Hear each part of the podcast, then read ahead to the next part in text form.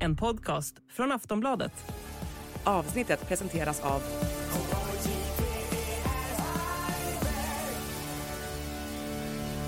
Stödlinjen.se, åldersgräns 18 år.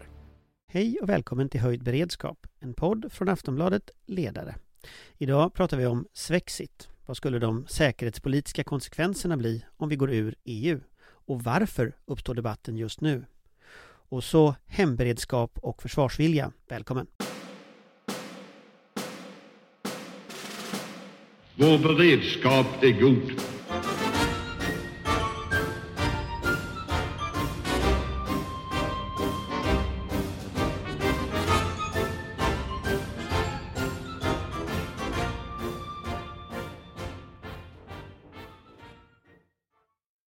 Idag så är vi i studion här i eh, Stockholm i Schibstedhuset så är det jag, Anders Lindberg och Amanda Wollstad, Svensk Tidskrift. för en gångs skull inte från Skåne. Det är jättespännande att vara på liksom andra sidan av alla länkarna för en gångs skull. Men nu är inte Patrik här, för det är väl någon Nej. annanstans? Nej, jag är någon annanstans och, och jag heter ju Oksanen och är senior fellow på Tankesmedjan Frivärd. Så att det här blir lite ombytta roller för mig och Amanda. Och, och Johan har eh, rymt eh, av arbetsskäl. Eh, så att vi kan väl hoppa rakt in i det hela. Vi, den första frågan vi, vi tänkte ta upp idag är ju den, eh, vet inte om den är uppblossande Svexit-debatt, men Jimmy Åkesson skrev ju då i, i måndags en debattartikel om eh, Svexit. Och eh, han ville då utvärdera det svenska EU-medlemskapet. Så vad, och det har ju naturligtvis enorma säkerhetspolitiska konsekvenser eftersom EU är ju ett väldigt viktigt säkerhetspolitiskt instrument. Eh, så vad är det reflektioner om det? Ska vi börja med Amanda här i studion? Ja, um, det här kommer ju bli ett allt större problem tror jag. Jag skulle misstänka att en av anledningarna till att SD väljer att göra ett utspel på det just nu är att de vill positionera sig dels naturligtvis inför nästa EU-valrörelse men också att man kanske är rädd att den frågan kapas av andra krafter uh, som inte sitter i riksdagen. Uh, därför att uh, jag menar, SD har ju en svår position just nu. Nu sitter de ju som ändå någon slags regeringsunderlag och det är inte en helt lätt övergång att gå från att vara opposition till allt till att vara en del av makten och faktiskt behöva samsas och stå för det man säger. Miljöpartiet hade ju ingen lätt resa i den frågan och SD har det nog inte heller. Så detta är väl en sån här fråga man kan profilera sig i, eh, tagga åtminstone en del av kärnväljarna med och framförallt hålla, försöka hålla stången konkurrens utanför det parlamentariska systemet. Politiskt är det ju naturligtvis en katastrof på många sätt. För en gång skulle lyckas EU hålla någorlunda sams och eh, hålla en, en, en rak linje i Ukraina-frågan. Eh, och det, vi kommer ju förmodligen få se ett ökat försvars och säkerhetssamarbete inom EU också. Samtidigt är ju EU väldigt mycket som inte är försvar och säkerhet. Väldigt mycket. Och det finns ju också en fråga här att vi kanske inte ordentligt har tagit debatten om vad EU ska syssla med och hur vi minskar EUs makt över saker som de flesta faktiskt tycker att EU inte ska hålla på med.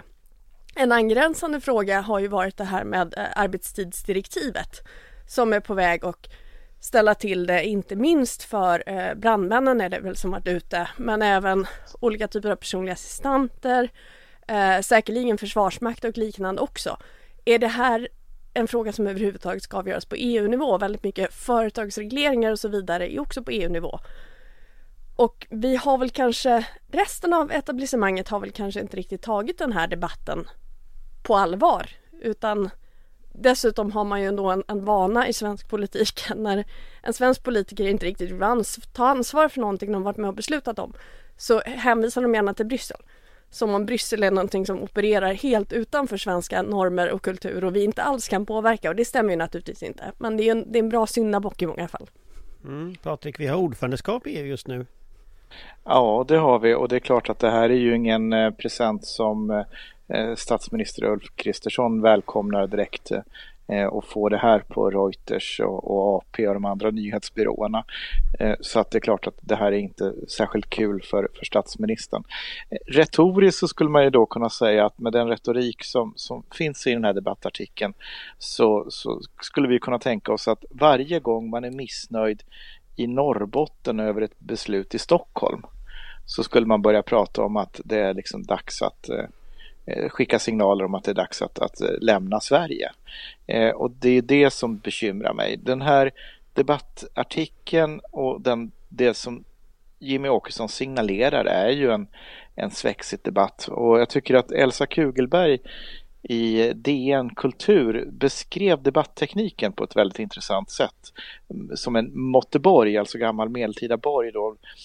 Först så, så, så är man ute vid, vid muren men man drar sig tillbaka till, till så att säga kärntornet eh, ganska snabbt i det här. Så det är en signal om svexit men klätt liksom i, i, i andra termer. Och sen blir jag lite fascinerad över att eh, eh, Åkesson har upptäckt att sex av tio ärenden på ett kommunfullmäktige generellt sett har på ett eller annat sätt berör frågor som på, har liksom haft beröringspunkter med, med EU-beslut.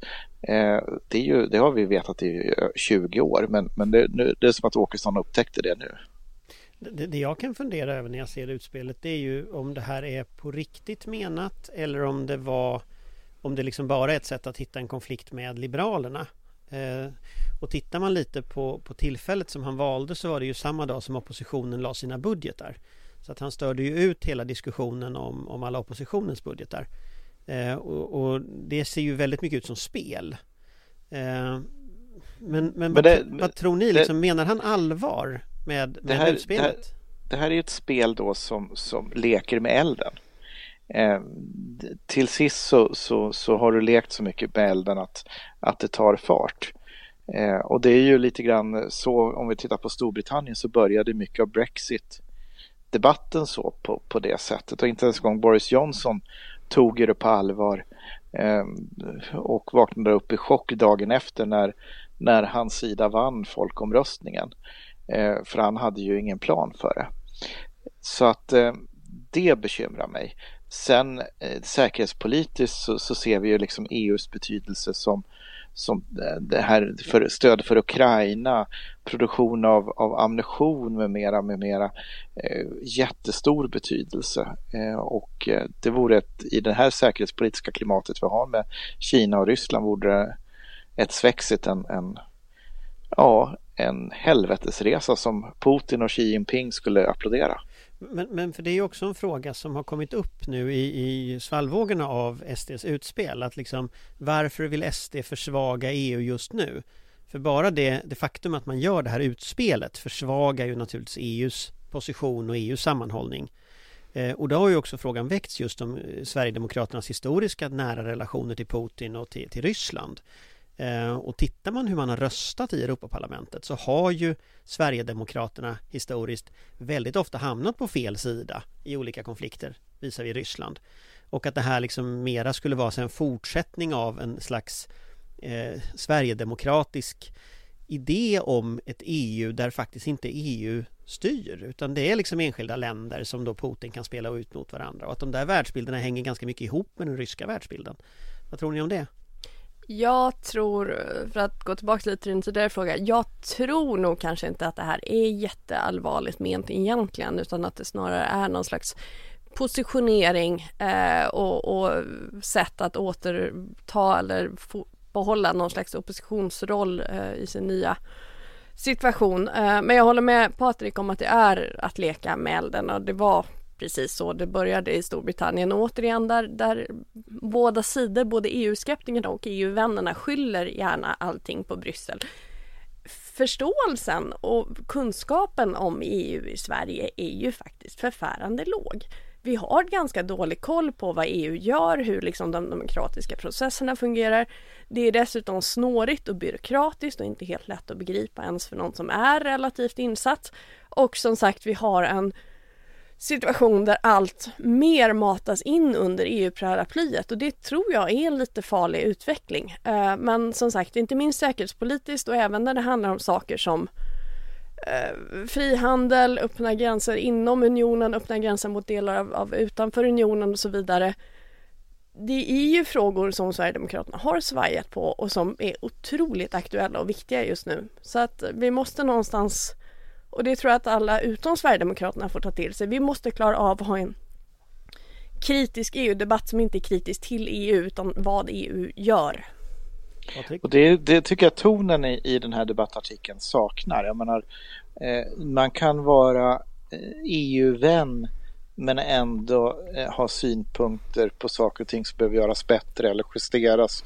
Precis som, som eh, Eh, jag är ju övertygad om att eh, de flesta sverigedemokrater skulle beskriva sig som Sverigevänner. Eh, men, men det hejdar de ju inte från att tycka att Sverige ska finnas kvar även om de är kritisk mot, mot politiken, eller hur? Och den attityden, ansatsen saknar jag i den här debattartikeln. Det finns liksom ingen det finns ingen omtanke utan Nej jag är helt enig. Det, det, SD är inte intresserad av att ta den debatten utan det är resten av oss som måste ta den debatten för att på något sätt stämma i bäcken lite tror jag och inte bara vilket jag är lite rädd för kommer ske nu, att Europavänner och EU-vänner automatiskt blir så anti-SD att plötsligt kan EU inte göra någonting fel och då fördummas debatten och man riskerar att förlora mycket av förståelsen. Utan jag tror att resten av oss måste ta ansvar och ha en seriös debatt om EU för att inte lämna walkover till Sverigedemokraternas världsbild. Nej, och det är det som, som de naturligtvis vill, vill uppnå, en fördummad debatt. Ehm, för det, det vinner de på.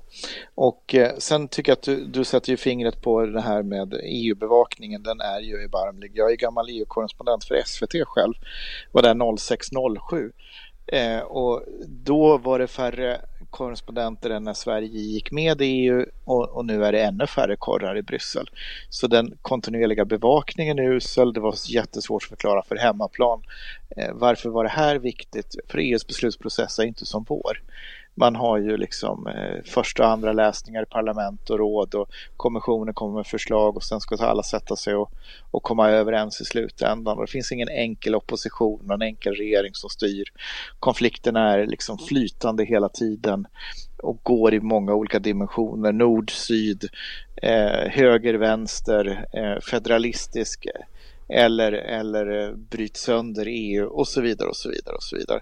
Vilket gör att vi har en svårighet i vår medierapportering och i vår politiska debatt att förhålla oss till det. Och då är det så lätt att, att lämna den fjärde demokratiska nivån som är EU till att bara ägna sig åt det som händer på Helgeandsholmen. Men, men jag, jag funderar på om det här också, om man ska bredda det lite, att det här är en del av ett större skifte i politiken. För att jag är liksom uppväxt i en politik där det var vänster att kritisera EU.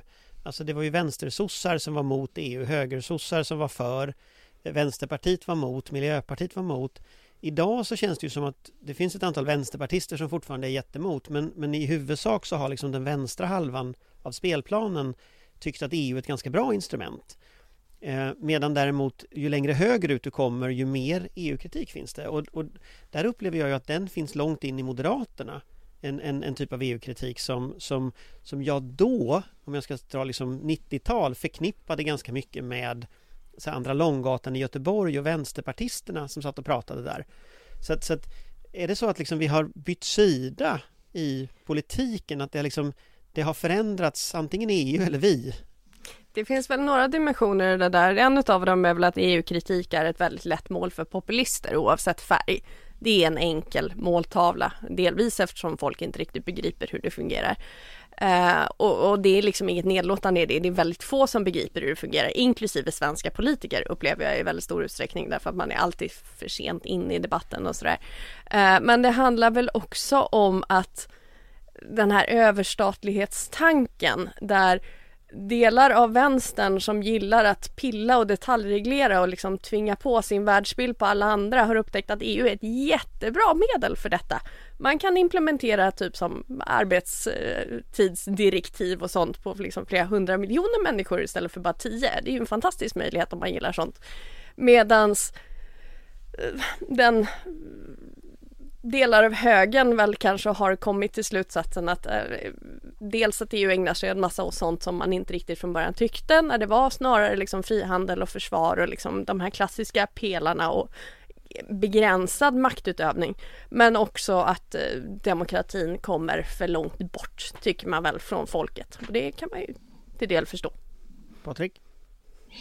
Ja, nej men det är ju någonting som händer i politiken just nu och den här ökade EU-skepticismen inom Moderaterna har ju varit en, en skönjbar trend under ytan. Och det är klart att det gör ju ont i, i Carl Bildts gamla parti, svensk hallänning europé som stod för barrikaderna för ett svenskt EU-medlemskap och som, där Moderaterna och Liberalerna traditionellt sett har varit de mest EU-varma eh, personerna.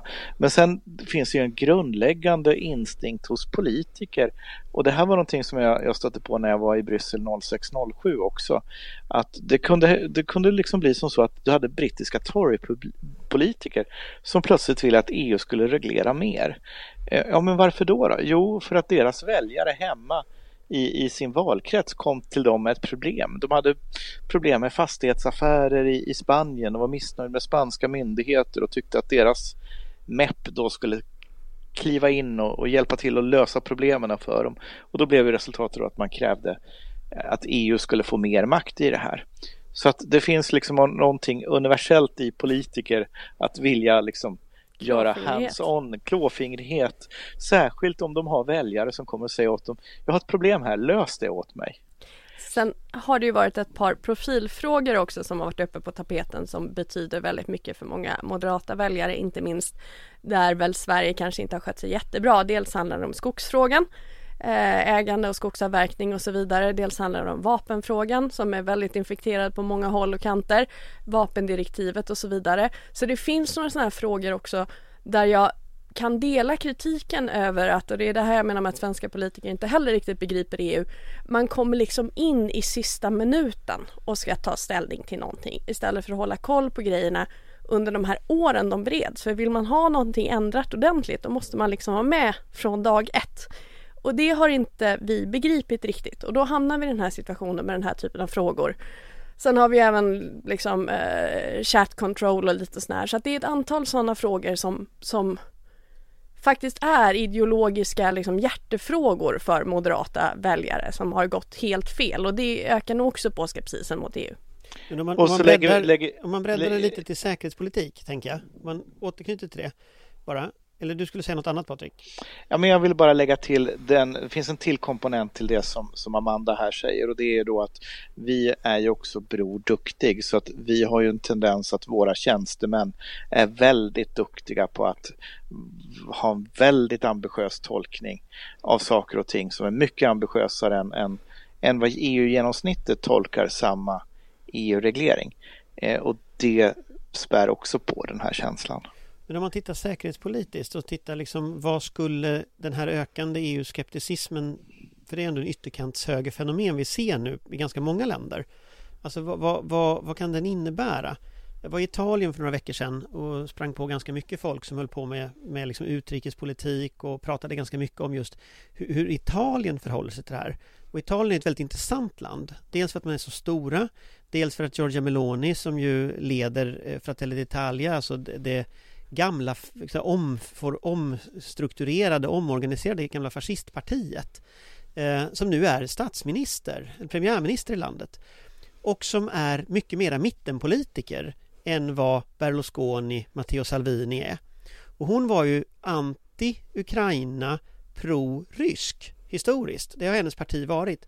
Hon har ju i regeringsställning bytt fot helt och blivit istället pro-ukrainsk och, och blivit liksom väldigt tydlig i att, att hon är för EU, hon vill inte liksom riva ner någonting och istället bilda, liksom försöker bilda en europeisk allians med högern. Och hon leder ju de partigrupper som heter ECR i Europaparlamentet som ju är liksom en, en av flera ytterkanthögergrupper eh, som finns. Och där ser man ju att den här rörelsen får en enorm säkerhetspolitisk betydelse. För skulle de ledarna byta fot och bli proryska då rasar ju så att säga på något sätt den europeiska enheten ihop. Och SD ingår ju i den kretsen partier. Så här ser vi ju en större rörelse på något sätt på europeisk nivå. Och därför var det lite intressant att Giorgia Meloni valde då att gå mot Putin. Sen vet man ju inte hur länge det varar. Eh, men vi har ju sett samma rörelse i Republikanerna i USA till exempel. Så finns ju också en sån ytterkantshögerrörelse. Eh, på lite sikt, var kommer det här, vart kommer det här att leda? Om vi sätter in Sverigedemokraterna i ett internationellt perspektiv. Vad tror ni? Det är jättesvårt att säga och vi vet ju också att de allra extremaste grupperingarna i den här rörelsen de har ju naturligtvis kontakter och band och det har ju funnits gott om ekonomiska band, inte minst mellan den italienska extremhögern och eh, Ryssland tidigare och så vidare. Så att det finns ju en bakgrund här. Och vi vet ju att Ryssland sällan är sena att utnyttja, även om de inte själva sätter igång eller driver rörelser så har de ju vett att utnyttja dem när de väl är på gång. Så det är ju naturligtvis en stor oro. Jag tror vi ska vara väldigt glada att Meloni valde att byta fot i den här frågan för annars hade det nog blivit ganska jobbigt.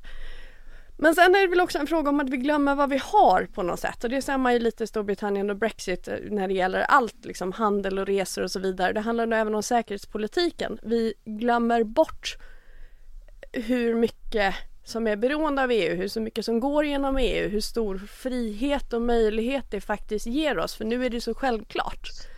Um, och det är väl också kanske en pedagogisk utmaning att ge EU lite cred också och försöka lyfta de här grejerna som faktiskt fungerar rätt bra. Och som sagt, Ukraina-konflikten har ju i en mening gjort det lättare för där har det ju blivit väldigt tydligt vad EU kan göra när man är relativt eniga.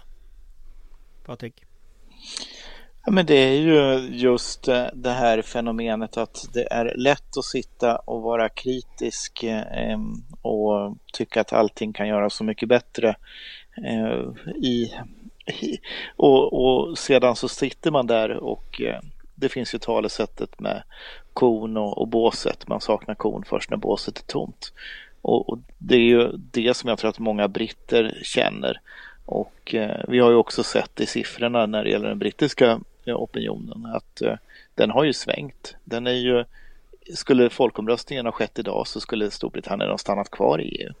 Och eh, just för de här konsekvenserna som blir, blir så oöverskådliga. Allt kring ekonomi men också säkerhet och, och, och vilka möjligheter man har att eh, samarbeta och, och, göra saker. Tror ni SD kommer att lyckas få till en riktig svexit debatt förutom att de står och bråkar med Johan Persson i Aktuellt en kväll? SD behöver ju en ny konfliktyta efter att man nu har, har inom citationstecken löst migrationsfrågan. Och vad menar jag med det inom citationstecken? Ja, men det finns ju en överenskommelse i Tidöavtalet eh, om det. Eh, därför så finns det ingen, för SD ingen konfliktyta att exploatera där. SD söker en ny konfliktyta. Och det eh, talar för att det här kan bli farligt över tid. Amanda? Jag tycker att det är jättesvårt att säga, ärligt talat. Det beror så extremt mycket på vad som händer i övrigt, eh, både på EU-nivå och med liksom den säkerhetspolitiska.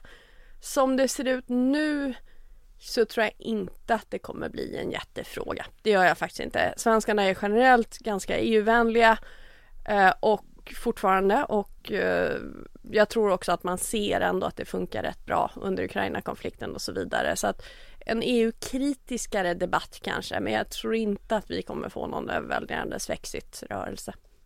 Vi får se helt enkelt. Eh, jag tänkte vi ska gå vidare till en annan fråga. I veckan, eller förra veckan, kom det en rapport från, eh, från FOI som baserar sig på en, eh, en, eh, eller den heter då Den svenska allmänhetens hemberedskap och försvarsvilja. Eh, och de har då frågat 1800 personer eh, om hemberedskap och försvarsvilja. Och det här har de gjort under 2002, 2022, 2022 förlåt. Alltså mitt under brinnande Ukraina-krig efter en pandemi som har varit. Så det är liksom en väldigt intressant tidpunkt att se hur har opinionen förflyttats. Och jag tänkte liksom ta upp några så här takeaways från det där som jag tycker är lite mer intressanta.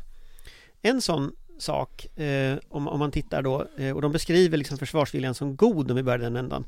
48 procent säger sig vara villiga att delta i en stridande roll med risk för eget liv i Sverige av svenskarna.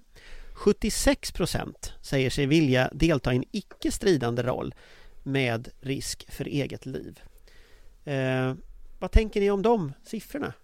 Amanda först, Patrik lite mer kritisk råkar jag veta. Uh, nu Patrik är kritisk till undersökningen kanske ska vi säga och inte till att folk inte till försvarsviljan. Förlåt. Bara för att understryka det. Uh, det är ju väldigt positiva siffror. Det är det ju. Det är ju eh, på något sätt oerhört trösterikt uh, att så många har tänkt tanken. Sen är det ju som Patrik kommit upp väldigt svårt att mäta detta men ändå att folk har tänkt tanken och, och fattat någon slags beslut är oerhört trösterikt. Och Sverige har ju generellt haft en ganska hög försvarsvilja även under liksom den eviga fredens tid. Um, så jag tror ändå att vi kan vara relativt trygga med att eh, de flesta kommer stanna kvar att, eh, och kämpa om det skulle behövas. De kommer inte att fly till Norge? Nej, de finns ett par stycken. de, de, de, de, som vill fly till Norge kan väl fly till Norge, eh, men jag tror vi klarar oss ändå. Patrik, om man tittar på det de kallar den allmänna försvarsviljan så har ju den ökat från 2018 till 2022 från 80 till nu 90 procent. Alltså de som säger att Sverige ska, ska försvara sig eh, med vapen vid ett angrepp. Eh, vad tänker du om liksom de siffrorna? Ja, ni har ju nästan sagt uh, ungefär vad jag, vad jag hade tänkt att säga. Så att, uh, men, men bortsett från det då. Det här är anledningen till att uh, Anders säger att vi inte får prata innan inspelningen har gått igång. Ja, ja, ja precis. Anledning till det. ni som nu lyssnar kanske behöver förstå kontexten. Det jag sa innan inspelaren drog igång är att, att eh, det finns ett problem med en, om man tror att man kan ha en övertro till att mäta försvarsvilja. Därför att det är ju väldigt mycket en känsla eh, och siffrorna behöver ju inte säga någonting egentligen hur utfallet blir om det blir skarpt läge för att det, det beror på så många faktorer och jag tillhör dem, jag är redaktör i en bok som kom ut i januari, Ryska krigsskepp drar åt helvete, en liten bok om försvarsvilja där den ansatsen i boken går ju ut på att försvarsvilja är en individuell process som består av flera delar. Insikt om att någonting hotar och någonting är värt att försvara. En vilja att agera på det och sen modet att göra det. Eh, och med, med det sagt så, så kort kommentar om siffrorna. Siffrorna är, är väldigt bra och fina och tittar vi på de som är beredda att försvara med vapen i hand så är ju det fler än vad som har gjort värnplikten. Eh, och det är ju ett, eh, det är ju mer än, än vad så att säga Försvarsmakten på väldigt många år skulle kunna klara av att absorbera i, som en stridande styrka. Så att det här är, det är bra positiva siffror, absolut. Eh, men en liten, liten fara till att vi fastnar för mycket i att att diskutera vad betyder skillnaden om det ökar 3 procentenheter eller upp eller ner. Men om vi borrar lite i det, hur stor är försvarsviljan om man ska använda ordet egentligen? Alltså vad, vad, om, om, man, om man tänker att siffrorna ändå, det här är ju självskattningar så folk har ju svarat vad de mm. själv upplever. Vad, hur, ska man bedöma den svenska försvarsviljan? Min bild är att den svenska försvarsviljan är god eh, och, och liksom vilar på ett stabilt fundament eh, eh, skapat skapad under lång tid. Men det finns en ovana hos oss i samtalet i offentligheten att prata om krig om, och vad det innebär och vad det ställer för krav på oss. Och, och eh, det finns en del, del eh, som kanske drar sig för att göra det för att man är rädd för, för andra människors reaktioner. Eh, och det tror jag att vi behöver avdramatisera och att våga prata mer om det för att då stärka fundamentet. Men min bild är absolut att vi har en väldigt god grundläggande försvarsvilja och vi såg ett fantastiskt gensvar från väldigt många människor i det här landet efter då Rysslands förnyade fullskaliga angrepp på Ukraina i fjol med väldigt många frivilliga till hemvärnet, till bilkåren, till lottakåren och till alla de andra frivilliga försvarsorganisationerna. Jag tror att eh, det positiva i den här typen av undersökningar och i debatten generellt det är just att folk tänker tanken. Ehm, sen är det mycket annat som påverkar och jag menar vi har, en, vi har gått igenom en pandemi som även om den känns som ett blekt minne nu de där första månaderna framförallt var väldigt traumatiska på någon form av gruppnivå. Man visste inte vad som skulle hända. Det var ju militärsjukhus och, och folk anmälde sig frivilliga till vården en mass. Prinsessan Sofia började jobba som eh, undersköterska. Alltså, vi såg ändå ett fantastiskt gensvar. Och sen kom kriget och då fick man ytterligare någon slags vatten på det här. Va, vad innebär egentligen krig? Vad skulle hända med undantag för vissa eh, kulturkrönikörer så, så har ju de, det, är ju ingen som pratar så längre och tidigare partiledare. Det är ju väldigt få som pratar så längre när man drar till Norge. Vad skulle jag försvara? Varför skulle man bry sig? Jag har väl ingenting liksom den typen av diskussion finns inte riktigt längre utan alla börjar någonstans förstå vad det är det handlar om. Hur verkligheten kan se ut. Sen är det väldigt långt kvar till att uppleva den. Man ser ändå vad en pandemi kan göra med landet men också vad den totala uppslutningen kan göra med landet. Man ser vad som händer i Ukraina, man ser vad som liksom är realiteten av en invasion, av att lämna sitt hem, av att slåss för sin frihet. Och det i sig tror jag ju gynnar den svenska försvarsviljan därför att då har man plötsligt någonting att ta ställning till och börja tanka tanken, vem är jag i allt det här? Jag tänker att det finns en annan dimension i det här också i och med att det här är en undersökning som har skett när vi också ser vad som har hänt på marken i Ukraina. Eh, och vi har sett Butja och vi har sett de här enorma brotten mot mänskliga rättigheter och jag tror att någonstans så har en insikt också sjunkit in både så att till höger och till vänster, även kretsar som historiskt varit ganska pacifistiska, att det är så här Ryssland för krig. Och det är så här ett ryskt krig skulle se ut om man förde det mot Finland eller mot Estland eller till och med mot Sverige. Att det är det här liksom som är den ryska krigsmakten. Det är inte bara så de kommer att bete sig om de är i Syrien eller om de är i Georgien. Det är så de beter sig liksom överallt. Därför att det här är liksom som de fungerar. Och liksom vem motståndaren är tror jag för ganska många har också ritat om vad man är beredd att göra. Eh, en annan intressant siffra i detta, på tal om just det, så är det ju, en, det har de inte mätt innan i de mätningar som har gjorts, men det är att 30% säger att de är ganska eller mycket villiga att gå in i en stridande roll om ett nordiskt grannland anfalls. Eh, det, jag vet inte, hur, refle hur reflekterar ni kring det? Om, om, man jämför då med en stridande roll så är det alltså 48 procent som är beredda att gå in i en stridande roll om Sverige angrips, 30 procent om ett nordiskt anland, eh, grannland anfalls. Vad tänker ni om den siffran? Det är ju nästan den mest eh, Ehm, fascinerande siffran i den här undersökningen tycker jag. Den tycker jag tyder enormt mycket på att vi just förstår vad realiteten är. Um, och att det har blivit väldigt, väldigt verkligt. Vi förstår vad som skulle hända på ett helt annat sätt. Och man är helt enkelt inte villig att se det ske med Finland eller Norge eller Danmark. Um, och det tyder ju också på en ökad försvarsvilja generellt, att man är beredd att stå upp för vissa värden och även för våra grannländers skull, att egenintresset någonstans har fallit lite åt sidan i alla fall. Patrik? Finlands sak är vår, liksom Norges. Eh, och Danmarks. Ju, och Danmarks. Eh, även om vi ligger, Danmark ligger längre ner i, i sannolikheten att bli, bli attackerat i, och ja, i första hand. Öresundsgenomgången är det Ja, men då smäller det på oss Från, från Amandas perspektiv så är Danmark väldigt nära. Ja, väldigt nära faktiskt. Ja, jo, jo, jo, jo Danmark är nära också. Så, eh, så att Öresund har absolut en strategisk betydelse. Men eh, jag tycker att det här är en, en, eh, en fin siffra och en, en stark siffra för för solidaritet med, med närområdet och en förståelse också att den egna säkerheten är beroende av våra grannars säkerhet.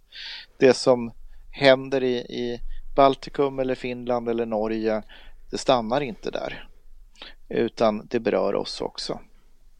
Jag, tror faktiskt att det sista du sa nu är en av de bärande orsakerna till det starka folkliga stödet för en fullständig omsvängning om NATO.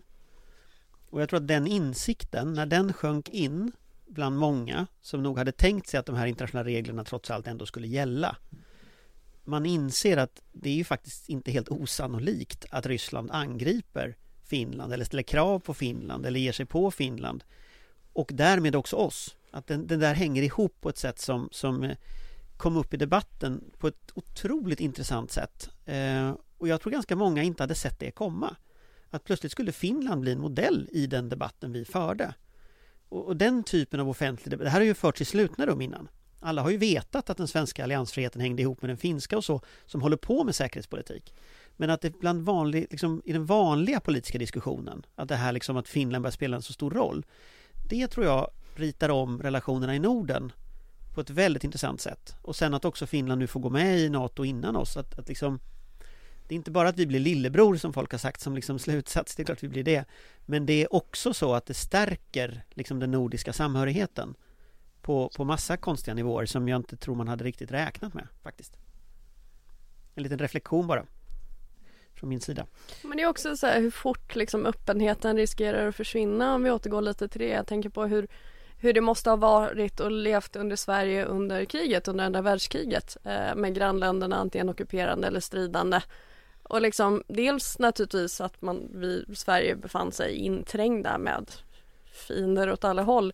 Men också hur reagerar man när det som sker i Ukraina, om det som sker i Ukraina hade skett i Finland eller Norge eller Danmark, länder som många av oss liksom åker till i alla fall ett par gånger i månaden när man har vänner och släktingar där man utnyttjar flygplatser eller kontakter eller åker och handlar eller någonting. Det är väl också att man börjar se vad, vad, hade, vad hade det inneburit för oss som människor, som land? Mm. Ja, men det är en intressant förändring faktiskt i, i självbilden vad Sverige är som ju också händer här och var våra gränser går någonstans. Eh, de går återigen vid Narva, vilket är en intressant spaning historiskt. Eh, Vi kommer alltid tillbaka till Narva. Allting kommer tillbaka till Narva. Och, och Karelska näset. ja, vad heter... Eh, om man, om man tittar på den andra delen i den här, lite kort bara, så tar man också upp försvarsvilja och kopplar ihop det med hemberedskap. Eh, och där är det väl, skulle jag säga, en lite annat resultat. Det, det har ökat dramatiskt. Eh, man säger att andelen hushåll som har vidtagit särskilda åtgärder har ökat. De har fördubblats från 22 procent till 45 procent mellan 2018 och 2022. Och då har vi då en pandemi som väl får misstänkas ha påverkat och ett krig som får misstänkas ha påverkat. Eh, är 45 procent som har någon beredskap för att klara sin hemberedskap, är inte det en väldigt låg siffra? Jo, det är bättre än, vad var det, 20... Men, 22? Ja. ja. det är en väldigt låg siffra eh, och det är framförallt en låg siffra i den situationen vi befinner oss i. Eh, nu är väl de här siffrorna visserligen inte dagsfärska men man tycker att vi borde se ganska tydligt vad riskerna är och vikten av att kunna klara sig i alla fall några dagar. Så jo, det är väldigt lågt och det tyder ju på att folk fortfarande inte riktigt begriper vad det handlar om. Eh, och det är väl kanske just det här mellanläget mellan normalläge och fullskalig invasion, att det finns liksom rätt många dimensioner däremellan vi måste kunna förhålla oss till. Och det, och det gör ju återigen svårt att veta vad har folk svarat på och hur förstår de frågorna. Eh, och eh, kriget i Ukraina ser ju väldigt annorlunda ut i, i, eh, i väst jämfört med i öst. Eller för att inte tala om på, i, direkt i stridszonen eller på ockuperat område. Så att det, det är ju, det är ju en, en bred skala här. Så att jag, jag, är rädd för att man inte riktigt helt förstår vad det är man svarar på. Eh, men, men sen tar, jag tar en, det konkreta vad man svarat på. Man tar en, ett par siffror här. Eh, en, en majoritet säger att man inte har dricks, att man har dricksvatten tre dagar eller kortare. Ja, och det, det, det tycker jag kanske, det tycker jag är kanske den intressantaste siffran som visar då hur beroende vi är av en vattenförsörjning och särskilt i städer att man inte riktigt har tänkt till hur man ska hantera en situation om man hamnar utan vatten. Eh, det, det är väl liksom en, en, en sån insikt. Men det finns en annan aspekt i det här och det är ju att det tar inte höjd för människors förmåga att, att samarbeta med andra människor i sin närhet, i sin trappuppgång eller i sitt bostadskvarter eller vad det kan vara för att lösa och pola resurser och samarbeta och, och så. De, de har någon siffra där om att väldigt få har eh, radio hemma och har de en radio hemma så kanske de inte har batterier hemma eh, och då får de ingen information. Ja, men då underskattar man att det kanske räcker med en radioapparat i trappuppgången för att hela trappuppgången ska kunna få den informationen. Så att det finns sådana aspekter i, i det här också. Det beror nog väldigt mycket på var man bor tror jag som bor i, i city och inte har så mycket koll på mina grannar. Um... Nej, och, och, det är väl kanske det bästa du kan göra för att stärka din, din så att säga förmåga till, till operativ hemberedskap eller vad du ska kalla det för är att börja prata med dina grannar och lära känna dem. flyttar hela tiden, det är ett problem. Uh, nej men ja, vattenfrågan är ju väldigt intressant därför att det är, ju, det är ju det mest basala och nödvändiga och kanske också det som ändå är minst tröskel till. Um, för jag menar, du klarar dig utan mat och värme hyfsat eh, rätt många timmar, även om det inte är så trivsamt. Och de flesta människor har ändå lite jag vet inte, konserver och knäckebröd och sådär hemma så att man klarar liksom det mest basala om man har några tecken och så vidare. Men utan vatten så står man sig ganska slätt. Och det är väl en sån här grej där jag kan tänka att det finns en, en väldigt stor tröskel mellan liksom prepping-communityn och vanligt folk. Där det är till exempel väldigt mycket diskussioner om hur ofta man ska rotera vattendunkarna, om man behöver använda eh, rengöringsmedel mellan varven och blaha Det är ju kanske inte, alltså det, det gör ju en väldigt tröskel och det är det enklaste man kan göra kanske att vara lite mer pedagogisk. Köp x antal flaskor mineralvatten. De har ett bäst före-datum. Du kan bara gömma dem i garderoben. En sån här sexpack, en och en halv liters. Då klarar du dig ett par dagar i alla fall. Alltså, vi kanske ska prata mer om den typen av, uh, vara lite mer pedagogiska och understryka att just, alltså, det är jättebra med ett kök, men börja med vattnet. Jag tänker mig att det finns utrymme för lite politikutveckling här. Eh, om man tittar på försvarsberedningen så säger man ju väl sju dagar ska man klara sig. Mm. Och eh, i den här undersökningen så hade tre fjärdedelar mat i fyra. Så att, så att liksom jag tänker att det finns ett visst utrymme för folkbildning här, ett folkbildningsuppdrag, till exempel till civilförsvarsförbund eller andra organisationer, att faktiskt gå ut med information. För MSB gjorde ju en insats med den här Om kriget kommer för ett tag sedan. Eh, men den börjar ju också falla i glömska. Folk har börjat tappa bort den. Eh, eller den... liksom, ja, men att man börjar faktiskt ha en folkbildning kring det här. Eh, och, och, jag tror det kanske är så att man får vänja sig vid att det är någonting återkommande. Man kan inte ha en, en insats vid ett tillfälle och så tänka att nu har, nu har liksom alla hajat. Eh, för dels kommer det massa nya ungdomar som kommer ut och inte känner någon där de bor. Eh, och dels glömmer människor bort och om kriget kommer hamnar i velåren och sådär. Sen tror jag också att man kanske bör försöka pusha, apropå försvarsvilja och liksom att vi ändå vill att försvara Norden och sådär. Eh, pusha lite på solidaritetstanken. Jag tror att det är väldigt många liksom unga, friska, starka människor som tänker att jag klarar mig alltid. Och det gör man kanske. Man, barnen, husdjuren och tankt Agda i liksom lägenheten bredvid. Om man preppar för sig själv och dessutom tar i lite, då har man möjlighet att hjälpa andra. Eh, och just pola resurser och så vidare. Den diskussionen tror jag att vi skulle behöva ha mer också. Att liksom tänka på bredare perspektiv än bara den egna individen. Det var de frågorna jag hade. Några andra tankar och idéer om dagens ämnen? Annars får vi tacka mm. för oss. Så Nej, det var, väl, vi... det var väl det om dagens ämne. Ja. Eh, och eh, det jag bara vill lägga till som är lite spännande som vi inte hann prata om nu som jag såg dök upp på Twitter. Det är att norska försvarskommissionen har kommit med sin rapport. Föreslår kraftiga ökningar i eh, pengar till försvaret i Norge. Eh, två stående brigader uppe i norr, satsningar på ytfartyg. Så det, det händer saker i vår närhet, men det får vi återkomma till. Det är ju jättebra. Då hoppas vi att de har lika stor vilja att försvara oss som vi har att försvara dem. Det låter väl som en rimligt antagande med tanke på att vi väl förhoppningsvis snart är med i NATO. Men eh, tack för idag och på återseende om två veckor. Hej hej! Tack! Hej hej! Vår beredskap är god.